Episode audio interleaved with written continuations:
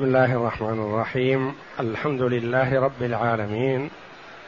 والصلاة والسلام على نبينا محمد وعلى آله وصحبه أجمعين. وبعد. بسم الله أعوذ بالله من الشيطان الرجيم. بسم الله الرحمن الرحيم. يا أيها الذين آمنوا أطيعوا الله وأطيعوا الرسول وأولي الأمر منكم. فإن تنازعتم في شيء فردوه إلى الله والرسول إن كنتم تؤمنون بالله واليوم الآخر ذلك خير وأحسن تأويلا. هذه الآية الكريمة من سورة النساء جاءت بعد قوله جل وعلا إن الله يأمركم أن تؤدوا الأمانات إلى أهلها وإذا حكمتم بين الناس أن تحكموا بالعدل إن الله نعم ما يعظكم به إن الله كان سميعا بصيرا. يا أيها الذين آمنوا أطيعوا الله وأطيعوا الرسول وأولي الأمر منكم. فإن تنازعتم في شيء فردوه إلى الله والرسول. إن كنتم تؤمنون بالله واليوم الآخر. ذلك خير وأحسن تأويلا.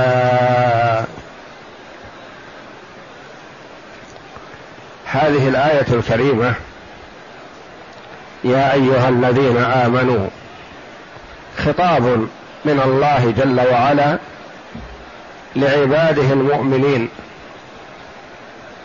بصفة الإيمان يا أيها الذين آمنوا أطيعوا الله وأطيعوا الرسول. يقول عبد الله بن مسعود رضي الله عنه إذا سمعت الله يقول يا أيها الذين آمنوا فأرعها سمعك فإنه إما خير تؤمن تؤمر به أو شر تنهى عنه.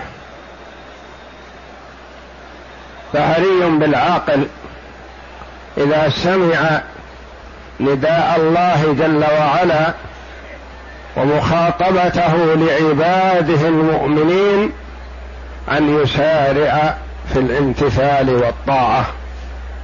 يا أيها الذين آمنوا أطيعوا الله وأطيعوا الرسول وأولي الأمر منكم.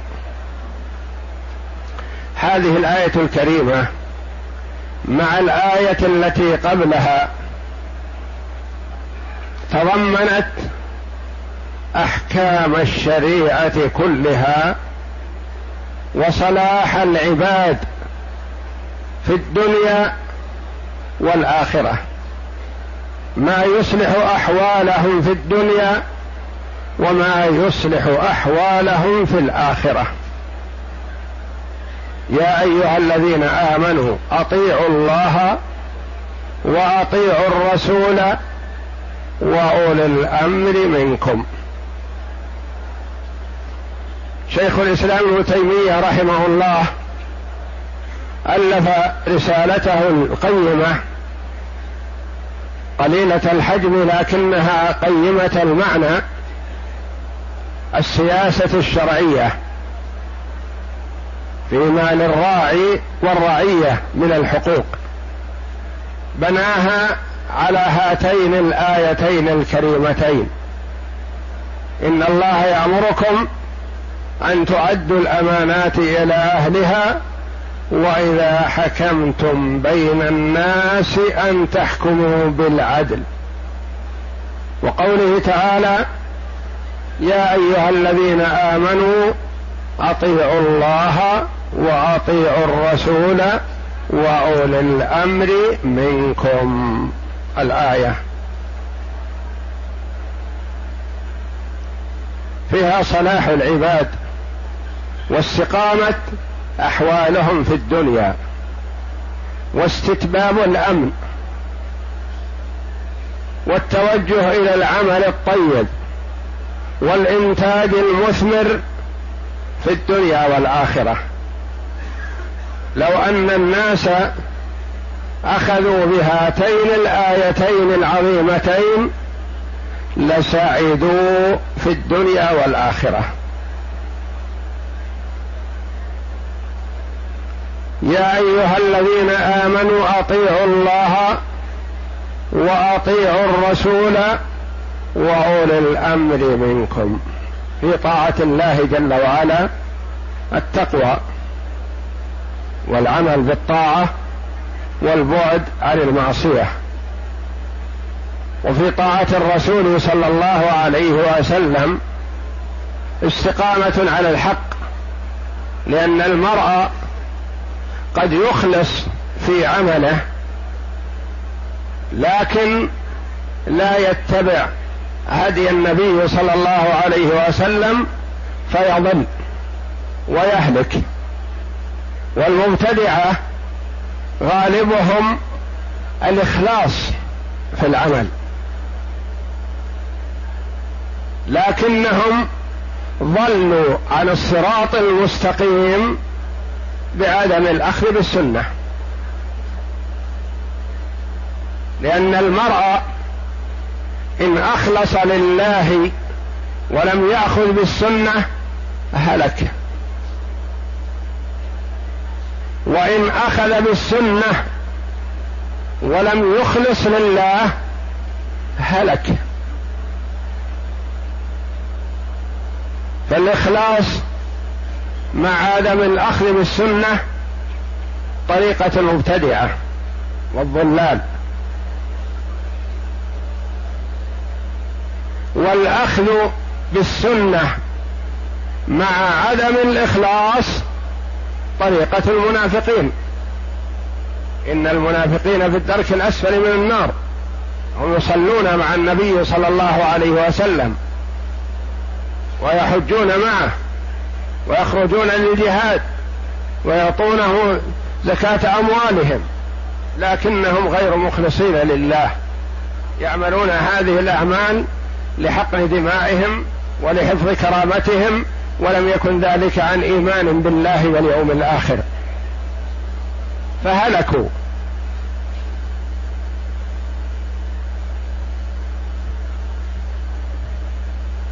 وطاعة أولي الأمر فيها استتباب الأمن والاستقرار والهدوء والتوجه إلى الإنتاج المثمر والعمل المفيد في الدنيا والآخرة.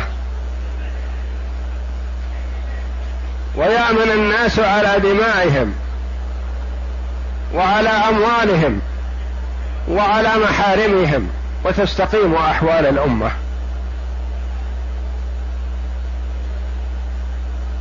يا أيها الذين آمنوا أطيعوا الله وأطيعوا الرسول وأولي الأمر منكم.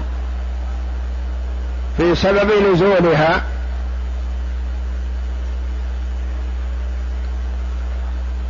كما جاء في الصحيحين وغيرهما نزلت في عبد الله ابن حذافة ابن قيس بن عيدي السهمي أحد الأنصار.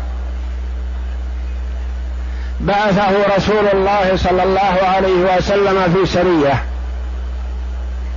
وأمره على مجموعة من المسلمين. وفي أثناء الطريق وجد عليهم. يعني غضب. فقال ألم يأمركم النبي صلى الله عليه وسلم بطاعتي؟ قالوا بلى. قال اجمعوا حطب. فجمعوا الحطب. فقال أججوا الحطب بالنار. فأججوها. فقال اقتحموها. ألم تؤمروا بطاعتي؟ اقتحموا النار. فتناظروا وقالوا نحن ما اتبعنا النبي صلى الله عليه وسلم إلا فرارا من النار. ما اتبعناه لأجل أن ندخل النار. وأخذوا يتكلمون في هذا ويتجاوبون وقالوا نرجع إلى النبي صلى الله عليه وسلم. فخمدت النار وهدأ غضبه. ولما رجعوا إلى النبي صلى الله عليه وسلم أخبروه فقال لو دخلوا فيها ما خرجوا منها. إنما الطاعة بالمعروف. إنما الطاعة بالمعروف.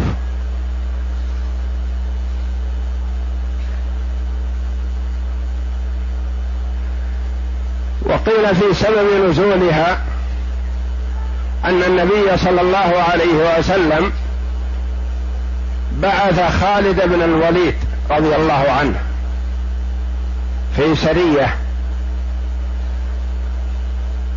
وكان في من الجيش من الأفراد السرية عمار بن ياسر رضي الله عنه. فتوجهت السرية إلى الجهة التي وجهها إليه رسول الله صلى الله عليه وسلم. فساروا فلما كانوا في مقربة منهم عرسوا يعني باتوا. فجاء الخبر إلى أهل القرية المتوجه إليهم. جاءهم الخبر في الليل فارتحلوا. وهربوا إلا واحدا منهم. قال لأهله اجمعوا أمتعتكم. وتسلل في ظلام الليل حتى وصل إلى السرية نفسها. وسأل عن عمار بن ياسر رضي الله عنه فدل عليه فقال يا ابا اليقظان. نادي عمار يا ابا اليقظان إن أهل المحلة علموا بكم ليلا. وهربوا. وإني أسلمت. وأشهد أن لا إله إلا الله وأن محمدا رسول الله. فهل اسلامي هذا نافعي غدا؟ أم أهرب كما هرب قومي؟ فقال له عمار رضي الله عنه لا بل هو نافعك. وأنت في أمان. فبقي في مكانه. فلما أصبحوا توجه خالد رضي الله عنه بالسرية إلى محلة القوم فلم يجد إلا هذا الرجل. فأخذه وأسره وأخذ ماله. فعلم عمار رضي الله عنه فقال ليس لك ذلك يا خالد. هذا قد أسلم وقد أمنته. قال ولم تؤمنه؟ معي يعني أنت مأمور ولست بأمير تؤمن. قال قد أسلم الرجل. وترافع إلى النبي صلى الله عليه وسلم فأقر عمار رضي الله عنه على حمايته للرجل بإسلامه وأمانه له وقال لا تؤمن على أمير بعد هذا. لا تؤمن أحد على أمير يعني ارجع لأميرك.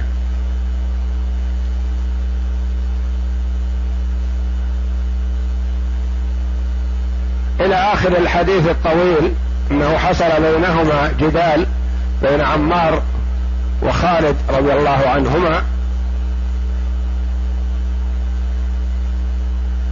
فكأن خالد أغضب عمار فقال النبي صلى الله عليه وسلم من يسب عمار يسبه الله ومن يلعن عمار يلعنه الله.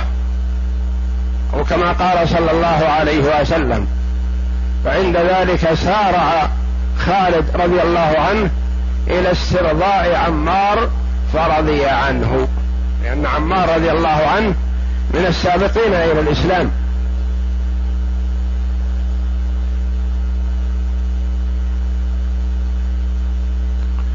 فأنزل الله جل وعلا يا أيها الذين آمنوا أطيعوا الله وأطيعوا الرسول وأولي الأمر منكم. وكما قال المفسرون رحمهم الله العبرة بعموم اللفظ لا بخصوص السبب.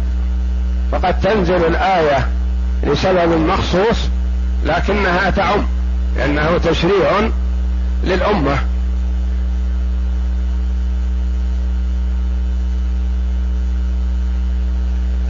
وقد أكد النبي صلى الله عليه وسلم على الأمة السمع والطاعة لولاة الأمر. لما في هذا من استقامة الأحوال والاستقرار والأمان.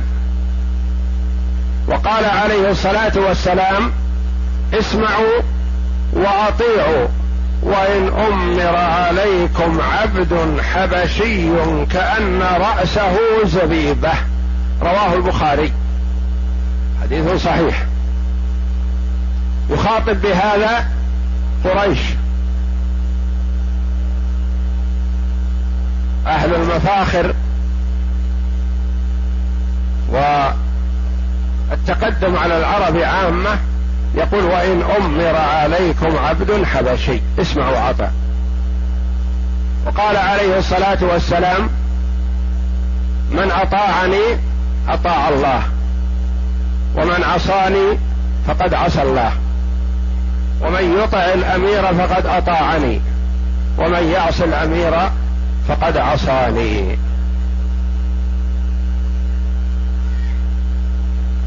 ولما ذكر صلى الله عليه وسلم من علامات نبوته أن الأمور قد تتغير وتختلف ويتولى ولاة عندهم شيء من الظلم والجور والتعدي.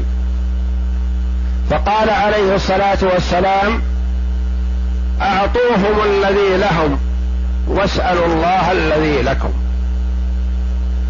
وقال في حديث آخر إن أحسنوا فلكم ولهم. وإن أساءوا فلكم وعليهم. إساءتهم عليهم. والخروج عليهم محرم ما لم ير المسلم كفرا بواحا عنده من الله فيه برهان. يعني لا شك فيه. وليس كتكفير الخوارج أو تكفير المعتزلة ونحو ذلك من الفئات الضالة وإنما شيء فيه برهان عظيم من الله بأن هذا كفر. وأما ما لا فلا. والصلاة خلف أئمة الجور. كان الصحابة رضي الله عنهم يصلون خلف الفساق وخلف أئمة الجور كل هذا لربع الصدع وجمع الكلمة عن التفكك والخلاف والنزاع. صلى عبد الله بن مسعود رضي الله عنه عالم الصحابة رضي الله عنهم أجمعين خلف الوليد ابن عقبة ابن أبي معيط. وصلى بهم صلاة الفجر أربع ركعات. سكران. والتفت إليهم وقال أزيدكم.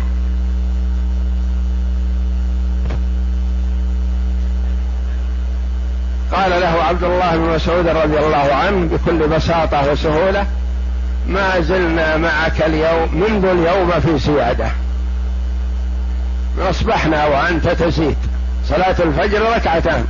صلى بهم الفجر أربعة سكران. وما قال عبد الله بن مسعود رضي الله عنه أضربوه. لأنه أمير مؤمر. ما زلنا معك اليوم منذ اليوم في زيادة.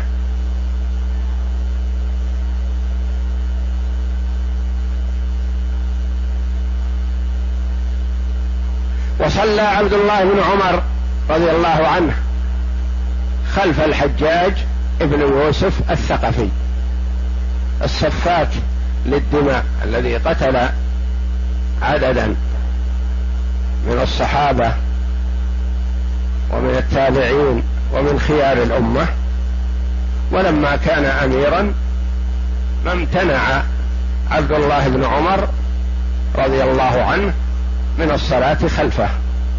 وحج معه رضي الله عنه عبد الله بن عمر. ولا قال هذا ظالم أو جائر أو ما يجالس أو ما أسير معه. لا حج معه. وقد أوصى عبد الملك بن مروان الحجاج بأن لا يخالف ابن عمر. رضي الله عنه.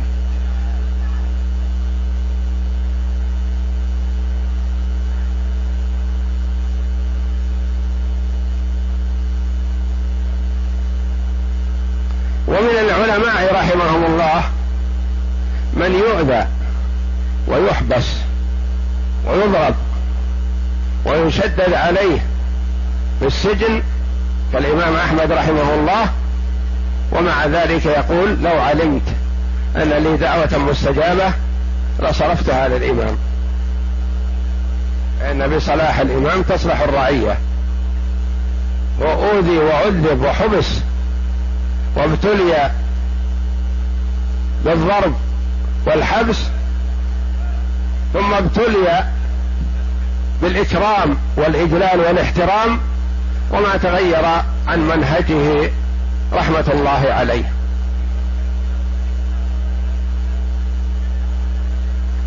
ويقول بعض العلماء رحمهم الله إذا رأيت الرجل يدعو للإمام فاعرف أنه صاحب سنة.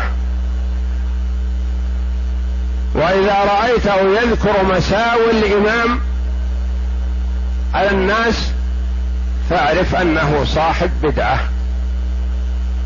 لأن ما يتعرض للأئمة بالسب والأذى والمخالفة إلا أصحاب البدع.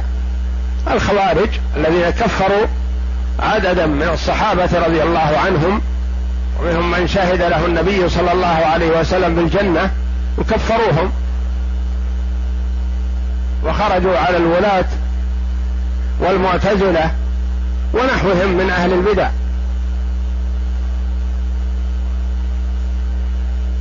والذي يسمع ويطيع ويؤدي ما عليه ويطلب من الله الذي له إن كان أخذ منه شيء. صاحب سنة. اسمع وأطع وإن أخذ مالك وضرب ظهرك. لا تخرج. ولا تشق عصا الطاعة. ولا تؤلب الناس. ولا تسب الإمام علنا. وسب الإمام علنا سيما أهل البدع. هم الذين يتناولون ذلك. أما صاحب السنة فهو يدعو للإمام وإن أساء الإمام إليه. اسمع وأطع وإن ضرب ظهرك وأخذ مالك. لما في ذلك من سلامة المجتمع واستقراره واستتباب الأمن وانطلاق الناس في العمل والكسب المثمر والحياة السعيدة.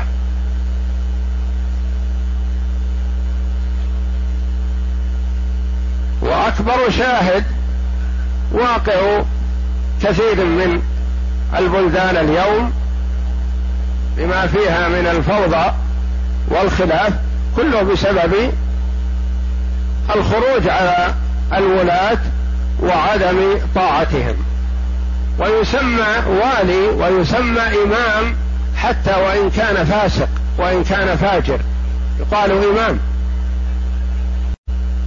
يقول عليه الصلاة والسلام من رأى من أميره شيئا فكرهه فليصبر فإنه ليس أحد يفارق الجماعة شبرا فيموت إلا مات ميتة جاهلية. أخرجاه في الصحيحين. وليصبر حتى وإن رأى من أميره شيئا فليصبر. وروى مسلم رحمه الله عن عبد الرحمن بن عبد رب الكعبة. قال دخلت المسجد الحرام. فإذا عبد الله بن عمرو بن العاص جالس في ظل الكعبة. والناس حوله مجتمعون عليه. رضي الله عنه. فأتيتهم فجلست إليه. فقال كنا مع رسول الله صلى الله عليه وسلم في سفر. فنزلنا منزلا فمنا من يصلح خباءه ومنا من ينتظل ومنا من هو في جشره. إذ نادى منادي رسول الله صلى الله عليه وسلم الصلاة جامعة. كان عليه الصلاة والسلام إذا رغب في جمع الصحابة أمر منادي أن ينادي الصلاة جامعة فيجتمعون. فاجتمعنا إلى رسول الله صلى الله عليه وسلم فقال إنه لم يكن نبي من قبلي. إلا كان حقا عليه أن يدل أمته على خير ما يعلمه لهم وينذرهم شر ما يعلمه لهم. وأن هذه وإن هذه الأمة جعلت عافيتها في أولها. فخير الأمة هم قرن الرسول صلى الله عليه وسلم. خير الأمم قرني. ثم الذين يلونهم ثم الذين يلونهم. يقول الراوي لا أدري عد قرنين بعد قرنه أو ثلاثة. وسيصيب آخرها بلاء وأمور ينكرونها. وتجيء فتن يرقق بعضها بعضا. وتجيء الفتنة فيقول المؤمن هذه مهلكتي. ثم تنكشف وتجيء الفتنة فيقول المؤمن هذه هذه. فمن أحب أن يزحزح عن النار ويدخل الجنة فلتأته منيته وهو يؤمن بالله واليوم الآخر. ولياتي إلى الناس الذي يحب أن يؤتى إليه.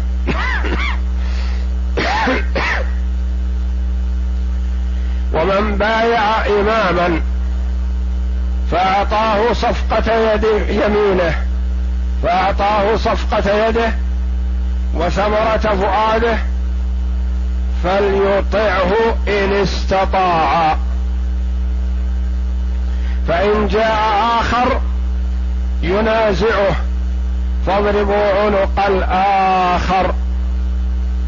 قال فدنوت منه. فقلت أنشدك بالله. أنت سمعت هذا من رسول الله صلى الله عليه وسلم؟ فأهوى إلى أذنيه وقلبه بيديه. وقال سمعته أذناي ووعاه قلبي. فقلت له هذا ابن عمك معاوية يأمرنا أن نأكل أموالنا بيننا بالباطل. ويقتل بعضنا بعضا. والله تعالى يقول يا أيها الذين آمنوا لا تأكلوا أموالكم بينكم بالباطل إلا أن تكون تجارة عن تراض منكم ولا تقتلوا أنفسكم إن الله كان بكم رحيما. قال فسكت ساعة. يعني عبد الله بن عمرو بن العاص رضي الله عنه سكت لما قال له هذا القول. ثم قال اطعه في طاعة الله وأعصه في معصية الله. يعني إذا أمرك بالطاعة أو بالشيء المباح فاطعه وإذا أمرك بمعصية فلا تعصه. إذا أمرك بمعصية فلا تطعه إنما الطاعة بالمعروف. لا طاعة لمخلوق في معصية الخالق. لكن لا تنزع يدا من طاعة. فرق بين أن تمتثل مع المعصية لا. وبين أن تخرج عليه لا. لا تخرج. ولا تنزع يدا من طاعة. فإنه من فارق الجماعة مات ميتة جاهلية والعياذ بالله.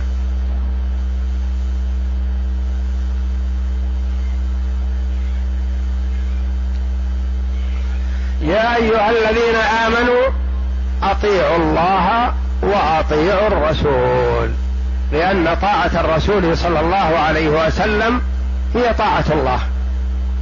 لأن الرسول عليه الصلاة والسلام معصوم من أن يأمر بغير طاعة الله. وهذا والله أعلم هو السر في تكرير الطاعة في حق الرسول صلى الله عليه وسلم وعدم تكريرها في حق ولاة الأمر. أطيعوا الله وأطيعوا الرسول وأولي الأمر منكم.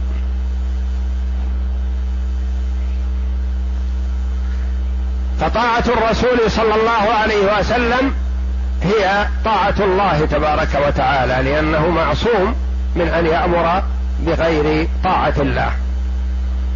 وأولي الأمر منكم ثم إنه قد يحصل بينكم وبين ولاة الأمر نزاع في أمر ما.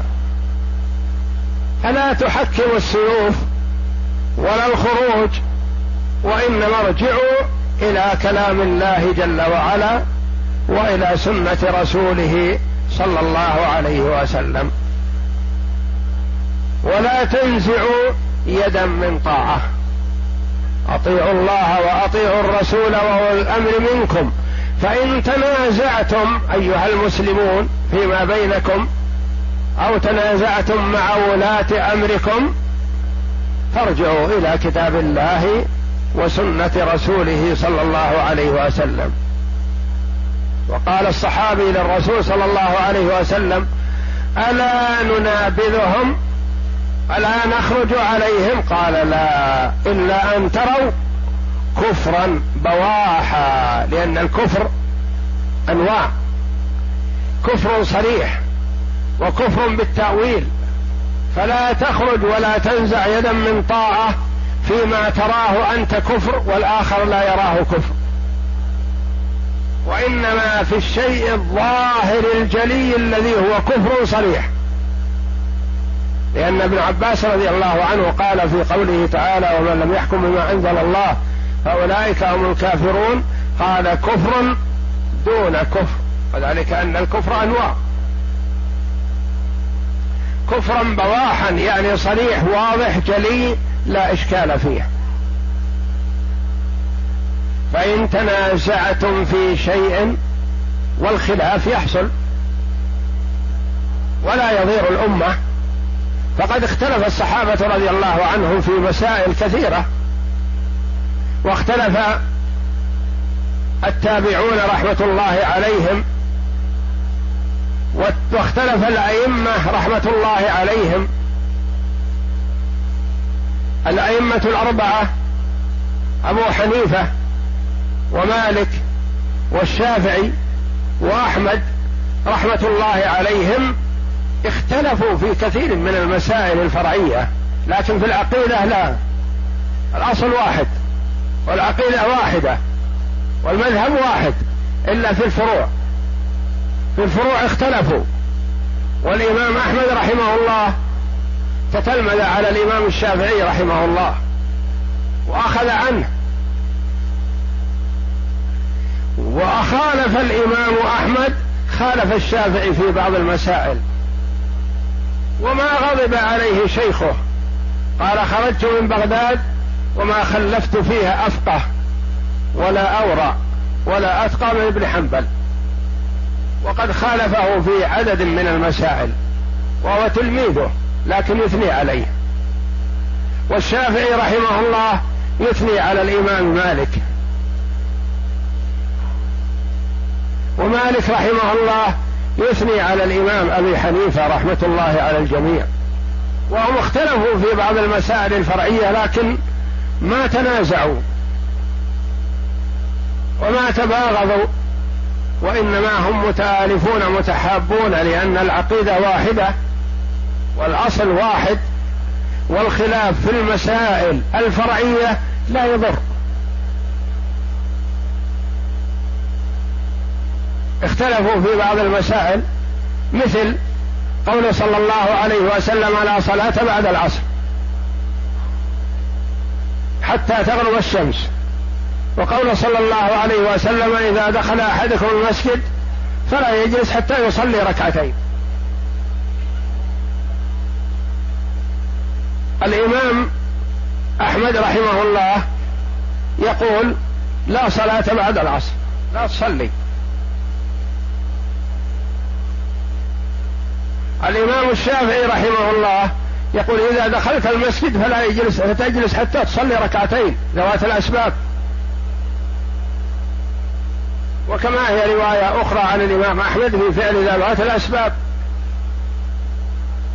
واختلفوا في توريث بعض الورثة المختلف فيهم وما تنازعوا وما تشاجروا. وإنما كل واحد منهم يثني على الآخر ويذكره بالخير. وهم مختلفون في بعض المسائل ولا يضير. وإنما الخلاف والتنازع والتنافر نتيجة الجهل. نتيجة الجهل وعدم فهم الشريعة على حقيقتها. الطوائف والفرق الضالة يكفر بعضهم بعضا وهم على مذهب واحد. لكن إذا خالفوا في مسألة كفره. قال هذا كافر. وهو أخوه وصاحبه وزميله. لكن يكفره لأنه خالفه. فسيما أهل البدعة تكفير من خالفهم وإن كان من أهل مذهبهم. وسيما أهل السنة أنهم يخطئون من خالف ولا يكفرون. قل هذا مخطئ لكن تكفره لا.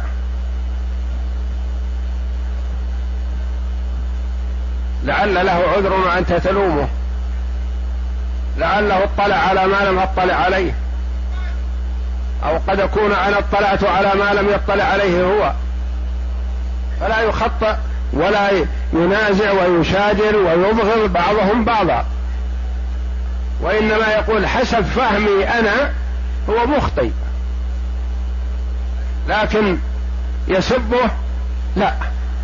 وينال منه لا. يقول لعله اطلع على ما لم أطلع عليه. فإن تنازعتم في شيء اختلفتم في أمر من الأمور فردوه إلى الله والرسول. الرد إلى الله إلى كتابه العزيز. والرد إلى الرسول الرد إلى سنة رسوله صلى الله عليه وسلم. إن كنتم تؤمنون بالله واليوم الآخر انتبه. هذا قيد عظيم قيد هام. إن كنتم مؤمنين حقا فردوا خلافكم ونزاعكم إلى الله والرسول ولا تضاربوا. ولا يخرج بعضكم على بعض ولا يكفر بعضكم بعض ولا يهجر بعضكم بعض. إن كنتم تؤمنون بالله واليوم الآخر. إن كان عندكم إيمان فاحذروا. الشجار المسبب للفرقة وإنما ردوه إلى الكتاب والسنة. وانظروا الحق مع من؟ ذلك خير وأحسن تأويلا. الرد إلى الكتاب والسنة خير وسعادة واستقامة. وأحسن تأويلا. أحسن مآلا أو أعظم أجرا أو أكثر ثوابا.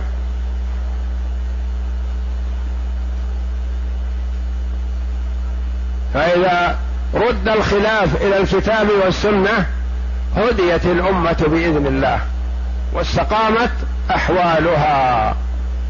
وإذا تنازعت سقطت وذهبت هيبتها وتسلط عليها أعداؤها. فالله جل وعلا يخاطب عباده المؤمنين بهذه الآية الكريمة ليأخذوا بها ويعضوا عليها بالنواجذ. ويحكموها في جميع أمورهم وفي جميع خلافاتهم وفي جميع أحوالهم وما يتعلق بأمور الدنيا والآخرة. قال البخاري عن ابن عباس رضي الله عنه في قوله تعالى أطيعوا الله وأطيعوا الرسول وأولي الأمر منكم. قال قال نزلت في عبد الله بن حذافة بن قيس بن عدي إذ بعثه رسول الله صلى الله عليه وسلم في سرية وقال الإمام أحمد عن علي قال بعث رسول الله صلى الله عليه وسلم سرية واستعمل عليها رجلا من الأنصار فلما خرجوا وجد عليهم في شيء فقال لهم أليس قد أمركم رسول الله صلى الله عليه وسلم أن تطيعوني؟ قالوا بلى. قال فأجمعوا فاجمعوا لي حطبا ثم دعا بنار فأضرمها فيه ثم قال عزمت عليكم لتدخلنها؟ قال فقال لهم شاب منهم إنما فررتم إلى رسول الله صلى الله عليه وسلم من النار فلا تعجلوا حتى تلقوا رسول الله صلى الله عليه وسلم. لا تطيعوا الرجل فيما يأمركم من دخول النار. أنتم ما فررتم إلى رسول الله صلى الله عليه وسلم وآمنتم بالله ورسوله إلا خوفا من النار. فكيف تدخلونها في الدنيا؟ نعم. فإن أمركم أن تدخلوها فادخلوها. إذا أمركم الرسول فعلى العين والرأس. رضي الله عنه. نعم. قال فرجعوا إلى رسول الله صلى الله عليه وسلم فأخبروه فقال لهم لو دخلتموها ما خرجتم منها أبدا إنما الطاعة في المعروف. وعن عبد الله بن عمر رضي الله عنهما عن رسول الله صلى الله عليه وسلم قال السمع والطاعة على المرء المسلم فيما أحب وكره ما لم يؤمر بمعصية فإذا أمر بمعصية فلا سمع ولا طاعة. وعن عبادة بن الصامت رضي الله عنه قال بايعنا, بايعنا رسول الله صلى الله عليه وسلم على السمع والطاعة في مناشطنا ومكار ومكر ومكرهنا. منشطنا ومكرهنا. في منشطنا ومكرهنا وعسرنا ويسرنا. وأثره علينا وألا ننازع الأمر أهله. وأثرة علينا وألا ننازع الأمر أهله. وأثرة علينا وألا ننازع الأمر أهله. قال إلا أن تروا كفرا بواحا عندكم فيه من الله برهان. وفي الحديث الآخر عن أنس أن رسول الله صلى الله عليه وسلم قال اسمعوا وأطيعوا وإن أمر عليكم عبد حبشي كأن رأسه زبيبة. رواه البخاري. وعن أبي هريرة رضي الله عنه قال أوصاني خليلي أن أسمع وأطيع وإن كان عبدا حبشيا مجدوع الأطراف. رواه مسلم. وروى ابن جرير عن أبي هريرة أن النبي صلى الله عليه وسلم قال سيليكم سيليكم ولاة بعدي فليليكم فليليكم, فليليكم البر ببره والفاجر بفجوره فاسمعوا لهم وأطيعوا في كل ما وافق الحق وصل وصلوا وراءهم فإن أحسنوا فلكم ولهم وإن أساءوا فلكم وعليهم. وعن أبي هريرة رضي الله عنه أن رسول الله صلى الله عليه وسلم قال كانت بنو إسرائيل تسوسهم الأنبياء كلما هلك نبي خلفه نبي إلا أنه لا نبي بعدي وسيكون إلا أنه لا نبي هذا في بني إسرائيل كلما مات نبي خلفه نبي آخر تتابع فيهم الأنبياء. وأما أمة محمد صلى الله عليه وسلم فلا نبي بعده. نعم. إلا أنه لا نبي بعدي وسيكون خلفاء فيكثرون. قالوا يا رسول الله فما تأمرنا؟ قال أوفوا بي ببيعة الأول. سيكون عليكم ولاة ويكثرون. يكون واحد ثم يخرج عليه آخر. فلا توافقوا الآخر وإنما كونوا مع الأول. أوفوا للأول بيعته. نعم. قال أوفوا بيعة الأول فالأول وأعطوهم حقهم فإن الله سائلهم عما استرعاهم أخرجه.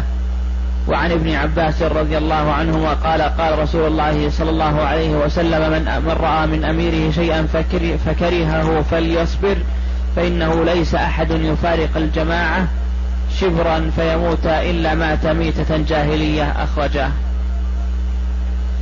وعن ابن عمر رضي الله عنهما أنه سمع رسول الله صلى الله عليه وسلم يقول من خلع يدا من طاعة من طاعة لقي الله يوم القيامة لا حجة له ومن مات وليس في عنقه بيعة مات ميتة جاهلية. رواه مسلم. وروى مسلم, وروى مسلم أيضا عن عبد الرحمن بن عبد رب الكعبة قال دخلت المسجد فإذا عبد الله بن عمرو بن العاص رضي الله عنه جالسا في ظل الكعبة والناس حوله مجتمعون فأتيتهم فجلست إليه فقال كنا مع رسول الله صلى الله عليه وسلم في سفر فنزلنا منزلا فمنا من يصلح خباءه ومنا من ينتظل ومنا من هو في جشره إذ نادى منادي رسول الله صلى الله عليه وسلم الصلاة جامعة فاجتمعنا إلى رسول الله صلى الله عليه وسلم فقال إني إنه لم يكن نبي من قبلي إلا كان حقا عليه أن يدل أمته على خير ما يعلمه ما يعلمه. ما يعلمه لهم وينذرهم شر ما يعلمه لهم وإن هذه الأمة جعلت عافيتها في أولها وسيصب آخرها وسيصيب آخرها بلاء وأمور ينكرونها وتجيء فتن يرقق بعضها بعضا وتجيء الفتنة فيقول المؤمن هذه مهلكتي ثم تنكشف وتجيء الفتنة فيقول المؤمن هذه هذه فمن أحب أن يزحزح عن النار ويدخل الجنة فلتأته منيته وهو يؤمن بالله واليوم الآخر وليأتي إلى الناس الذي يحب أن يؤتى إليه ومن بايع إماما فأعطاه صفقة يده وثمرة فؤاده فليطعه إن استطاع فإن جاء آخرا فإن جاء, فإن جاء آخر ينازعه فاضربوا عنقه فاضربوا عنق الآخر. قال فدنوت منه فقلت أنشدك الله أنت سمعت هذا من رسول الله صلى الله عليه وسلم فأهوى إلى, إلى أذنيه وقلبي بيده وقال سمعته أذناي ووعاه قلبي فقلت له هذا ابن عمك معاوية يأمرنا أن نأكل أموالنا بيننا بالباطل ويقتل بعضنا بعضا والله تعالى يقول يا أيها الذين آمنوا لا تأكلوا أموالكم بينكم بالباطل إلا أن تكون تجارة عن تراض منكم ولا تقتلوا أنفسكم إن الله كان بكم رحيما. قال فسكت ساعة ثم قال أطعه في طاعة الله وأعصيه في معصية الله والأحاديث في هذا كثيرة. وقال ابن عباس رضي الله عنه وأولي الأمر منكم يعني أهل الفقه والدين وكذا قال مجاهد وعطاء. وأولي الأمر منكم يعني العلماء والظاهر والله أعلم أنها عامة في كل أولي الأمر من الأمراء والعلماء كما تقدم. وقال تعالى فاسألوا أهل الذكر إن كنتم لا تعلمون وفي الحديث الصحيح المتفق على صحته عن أبي هريرة رضي الله عنه عن رسول الله صلى الله عليه وسلم أنه قال من أطاعني فقد أطاع الله ومن عصاني فقد عصى الله ومن أطاع أميري أميره فقد أطاعني ومن عصى أميري فقد عصاني فهذه أوامر بطاعة العلماء والأمراء. ولهذا قال تعالى أطيعوا الله أي اتبعوا كتابه وأطيعوا الرسول أي خذوا بسنته وأولي الأمر منكم أي فيما أمروكم به من طاعة الله لا في معصية الله فإنه لا طاعة لمخلوق في معصية الله كما تقدم. وقال الإمام أحمد عن عمران بن الحصين عن النبي صلى الله عليه وسلم قال لا طاعة في معصية الله. وقوله فإن تنازعتم في شيء فردوه إلى الله والرسول. قال مجاهد أي إلى كتاب الله وسنة رسوله صلى الله عليه وسلم. وهذا أمر من الله عز وجل بأن كل شيء تنازع الناس فيه من أصول الدين وفروعه أن يرد التنازع في ذلك إلى الكتاب والسنة كما قال تعالى وما اختلفتم فيه من شيء فحكمه إلى الله. فما حكم به الكتاب والسنة وشهد له بالصحة فهو الحق وما بعد ذلك الحق إلا الضلال. ولهذا قال تعالى إن كنتم تؤمنون بالله واليوم الآخر أي ردوا الخصومات والجهالات إلى كتاب الله وسنة رسوله صلى الله عليه وسلم فتحاكموا إليهما فيما شجر بينكم. إن كنتم تؤمنون بالله واليوم الآخر فدل على أن من لم يتحاكم في محل النزاع إلى الكتاب والسنة ولا يرجع إليهما في ذلك فليس مؤمنا بالله ولا باليوم الآخر. وقوله ذلك خير أي التحاكم إلى كتاب الله وسنة رسوله صلى الله عليه وسلم والرجوع إليهما في فصل النزاع خير خير وأحسن تأويلا أي وأحسن عاقبة ومآلا كما قاله السدي وقال مجاهد وأحسن جزاء وهو قريب. والله أعلم. وصلى الله وسلم وبارك على عبد ورسول نبينا محمد وعلى آله وعلى آله وصحبه أجمعين.